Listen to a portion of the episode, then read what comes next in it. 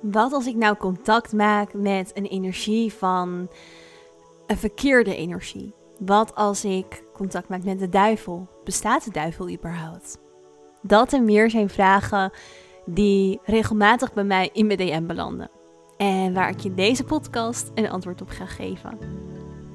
Mijn naam is Lorenza Gila, medium, healer en spiritual teacher. En het is mijn missie om jouw spirit guide hier op aarde te zijn. Ik wil je heel graag in contact brengen met alles wat er te vinden valt in de spiritwereld. En dat ga ik doen in deze podcast. Welkom in Spirit.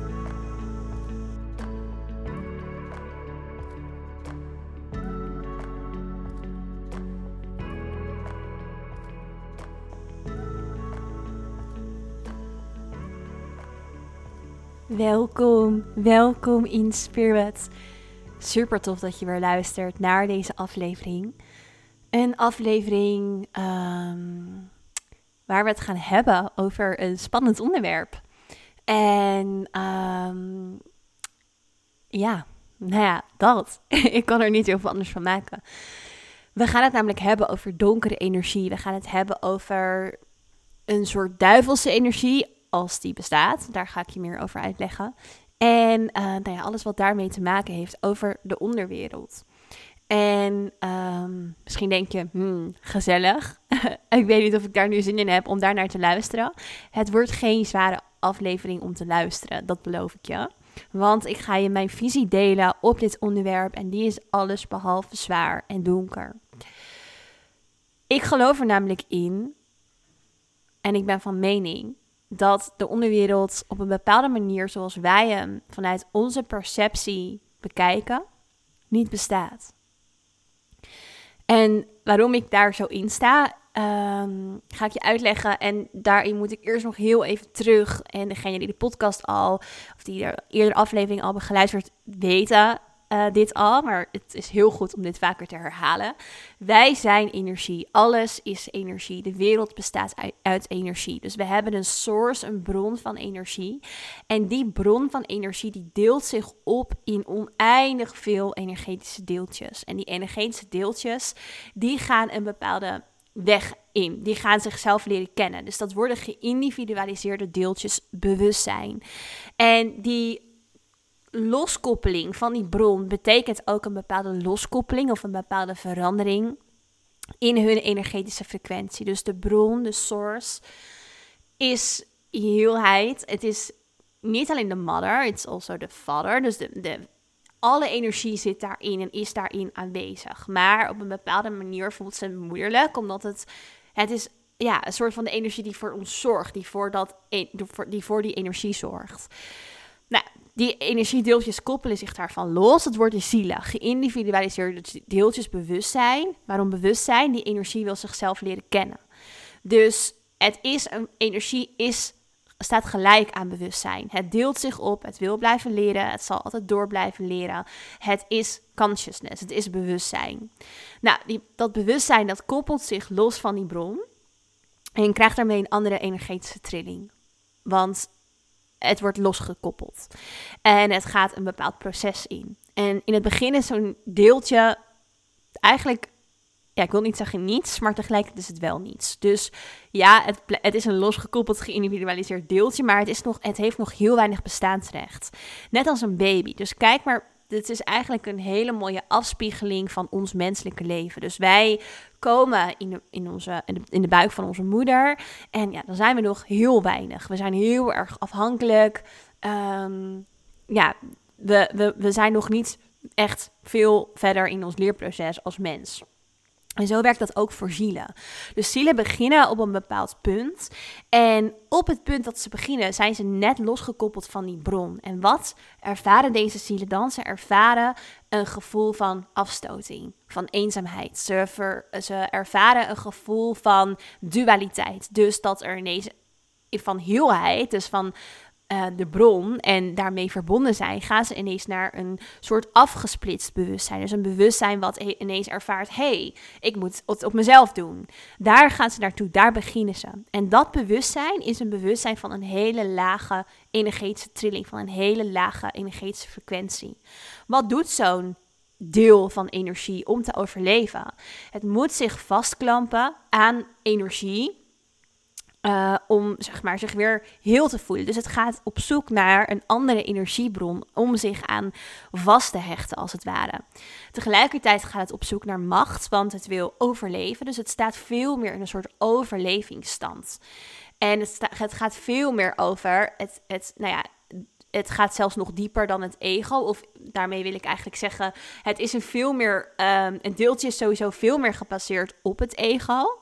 Maar in de onderwereld van astrale lagen, wat ik zo verder uitgelegd, is er nog niet eens een ego. Dus het is heel erg gericht op overleven in energievorm alleen al. Dus het hecht zich vast aan andere energieën. Is op zoek naar macht, is op zoek naar een soort host van energie om die heelheid weer te ervaren. Dat is waar dat deeltje begint.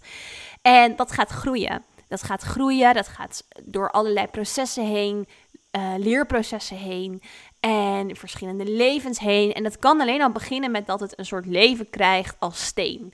Of als dier, als slak. Of nou ja, ik noem maar even een voorbeeld. Met een hele lage, lage, uh, ja, laag bewustzijnsniveau niet te vergelijken met dat van een mens bijvoorbeeld. Zo begint het. Maar dat kan, ik noem nu aardse vormen, maar het kan ook een niet-aardse vorm zijn. Dus het kan ook een leven zijn wat niet gekoppeld is aan onze aarde. En dat het gewoon letterlijk in een bepaalde astrale laag dit soort dingen gaat leren. Van hé, hey, oké, ik ben ineens een geïndividualiseerd deeltje bewustzijn. Ik, ben, ik moet het op mezelf doen. Ik ben meer een individu. Dus het gaat die dualiteit op een bepaalde manier ervaren. Op een gegeven moment groeit het verder. Het groeit verder en dan eigenlijk tot de laag van bijvoorbeeld de derde dimensie. Dus waar wij nu met de aarde, met name nog steeds, in zitten. Dus het krijgt een ego. Het, wordt nog, of het blijft nog steeds een geïndividualiseerd deeltje bewustzijn met een eigen individu, een eigen ikje. En het, het krijgt weer opnieuw kansen om dingen te leren. En dan gaat het door allerlei menselijke levens heen hier op aarde. Kan ook dus buiten de aarde zijn. Maar om het voor jullie even makkelijk begrijpbaar te houden, hou ik het nu even bij de aarde. En in dat proces van de aarde um, en de levens hier zal het misschien eerst een ziel zijn die heel erg gericht is op het leven, überhaupt leven. Gewoon een baan krijgen, een gezin krijgen. Um, nou ja, en niet heel veel bijzondere uitdagingen in het leven krijgen. En op een gegeven moment in meerdere levens gaat die ziel weer verder en verder en verder groeien. En krijgt het ook steeds meer uitdagingen om weer dat kosmische bewustzijn te ervaren. Dus meer het bewustzijn um, van bijvoorbeeld andere astrale lagen, van ja, het universum, van de bron. En gaat het veel meer via de vierde dimensie naar de vijfde dimensie. De vierde dimensie is een tussendimensie, is de laag van het hart. En daar zit bijvoorbeeld je gevoelswereld in. En de vijfde dimensie en daarboven is veel meer dus weer het eenheidsbewustzijn ervaren. Omdat we door die vierde laag van het hartsbewustzijn, liefde, weer gaan voelen, hé, hey, we zijn veel meer dan dat. En vanuit die liefde gaan we ons bewustzijn verhogen, openen en komen we in contact met het energieveld. En groeien we daarin verder. Ik heb hier ook heel veel over uitgelegd in de twaalfde aflevering van de Inspired Podcast. Dus als je nog even wat beter uitgelegd wil krijgen wat precies de dimensies zijn en de astrale lagen, luister die aflevering even, want dan wordt het je helemaal helder. En vanuit daar gaan we natuurlijk door dit leven heen, doen we hier onze zielsmissie, uh, werken we, of werken we hier aan onze zielsmissie. En gaan we vanuit daar verder naar andere astrale lagen en hebben we op een gegeven moment geen menselijk fysiek lichaam meer nodig. En gaan we door als spirit guide of um, nou ja, waar jouw ziel dan ook naartoe gaat. Dat kan oneindig veel opties zijn. Ik heb hier even heel kort geschetst ongeveer het verloop van een geïndividualiseerd deeltje bewustzijn wat losgekoppeld wordt van de bron in relatie tot de aarde. Want het kan ook op allerlei andere plekken in het universum levens krijgen. Um, maar daar ga ik nu even niet de diepte op in. Want waar ik het met je over wil hebben, is dat de onderwereld op een bepaalde manier zoals wij er naar kijken, niet bestaat. En dat ook de duivel niet bestaat. Of nou ja, ook weer wel, maar ook weer niet. Want wat de onderwereld is, het is een laag, en dan heb ik het bijvoorbeeld over de eerste en de tweede dimensie, die gewoon uit een veel lagere energetische trilling bestaat. Maar die laag, die moet er ook zijn om juist uiteindelijk omhoog te kunnen bewegen. Dus we moeten niet vergeten dat we nog steeds een bepaalde dualiteit en polariteit nodig hebben. We hebben contrast nodig. En hoe hoger het licht, hoe op een bepaalde manier dieper donker ook zal zijn. Want daar leren we uit. Dus we hebben geen licht zonder schaduw. En de onderwereld betekent simpelweg dat de zielen die daarin zitten, gewoon hun les nog te leren hebben. Nog heel veel les te leren hebben. En wij kunnen ook weer leren van ons contact met hen. En natuurlijk is hierin bescherming super belangrijk. En daar zal ik zo nog even op ingaan. Maar hoef je er absoluut niet bang voor te zijn. Want jij bent van een hoger licht, een hogere energetische trilling. En er is een universele wet die zegt dat licht het altijd wint van het donker. Ja, ze bestaan allebei, ze mogen naast elkaar bestaan. Maar licht wint het altijd van het donker. Dus jij kan je grenzen aangeven naar die energieën. Jij kan in je eigen kracht gaan staan. Hoe je dat doet, ga ik je zo vertellen. Maar dus eerst het donker en onze perceptie van de onderwereld is vanuit een menselijk ego uh, gezien, uh, gezien uh, perspectief. Dus wij kijken ernaar omdat we heel goed zijn in dingen als positief of negatief bestempelen. We willen het graag in een hokje stoppen. En natuurlijk is een ervaring in de onderwereld minder prettig dan een ervaring met een engel van een hogere astrale laag. Natuurlijk, want het heeft een hogere energetische eh, frequentie. In tegenstelling tot dus de lagere energetische frequentie. Maar het is niet per se slecht. Dus het gaat er hier om dat je het verschil tussen goed en slecht loskoppelt van fijn en minder fijn. Want goed en slecht in deze is heel relatief. En we hebben dus die onderwereld nodig. We zijn er zelf ook geweest. Wij zijn daar geweest om ervan uit te kunnen groeien. Het is de basis, of die lessen zijn de basis voor daar waar we nu staan in dit leven. En als je bijvoorbeeld kijkt naar de tarotkaart van de duivel, dan zie je de duivel en dan zie je aan de zijkant twee mensen met kettingen om hun nek. En de duivel houdt die kettingen uh, vast en um, die kettingen zijn gewoon open. Dus die mensen kunnen eruit. Ze kunnen ontsnappen aan die duivel. En dat betekent dat wij daar een uitweg in hebben. We kunnen groeien, we kunnen het overwinnen, we kunnen onze energetische trilling verhogen door de lessen die we leren. En dus heeft dat donker geen macht over ons. En als je in contact komt met zo'n negatieve, door ons bestempelde, maar dus eigenlijk wil ik liever zeggen energie die van een lagere frequentie is, dan zit daar een les voor je in. Allereerst is het vaak een les in grenzen aangeven. Grenzen aangeven en het verschil voelen van energetische trilling. Dus je voelt daarmee al, hé, hey, ik ben verder. Hé, hey, ik heb een hogere energetische trilling. Deze trilling trilt lager als mij. En de les is om dan in je eigen trilling te blijven. Wat je daarin als eerste kan doen, is heel duidelijk zijn in je woorden. Heel duidelijk zijn in je woorden naar deze energie. Ik beveel je om mijn energieveld te verlaten. En het klinkt misschien heel heftig als ik het zo zeg, maar dit is echt hoe ik praat tegen donkere energieën. Lagere, lager trillende energieën. Omdat zij ook hele duidelijke taal nodig hebben. Dus je mag echt zeggen van, nou ja, dit voorbeeld dus, of ik ben er niet van gediend dat jij in mijn energieveld zit en ik verzoek je om mijn energieveld te verlaten.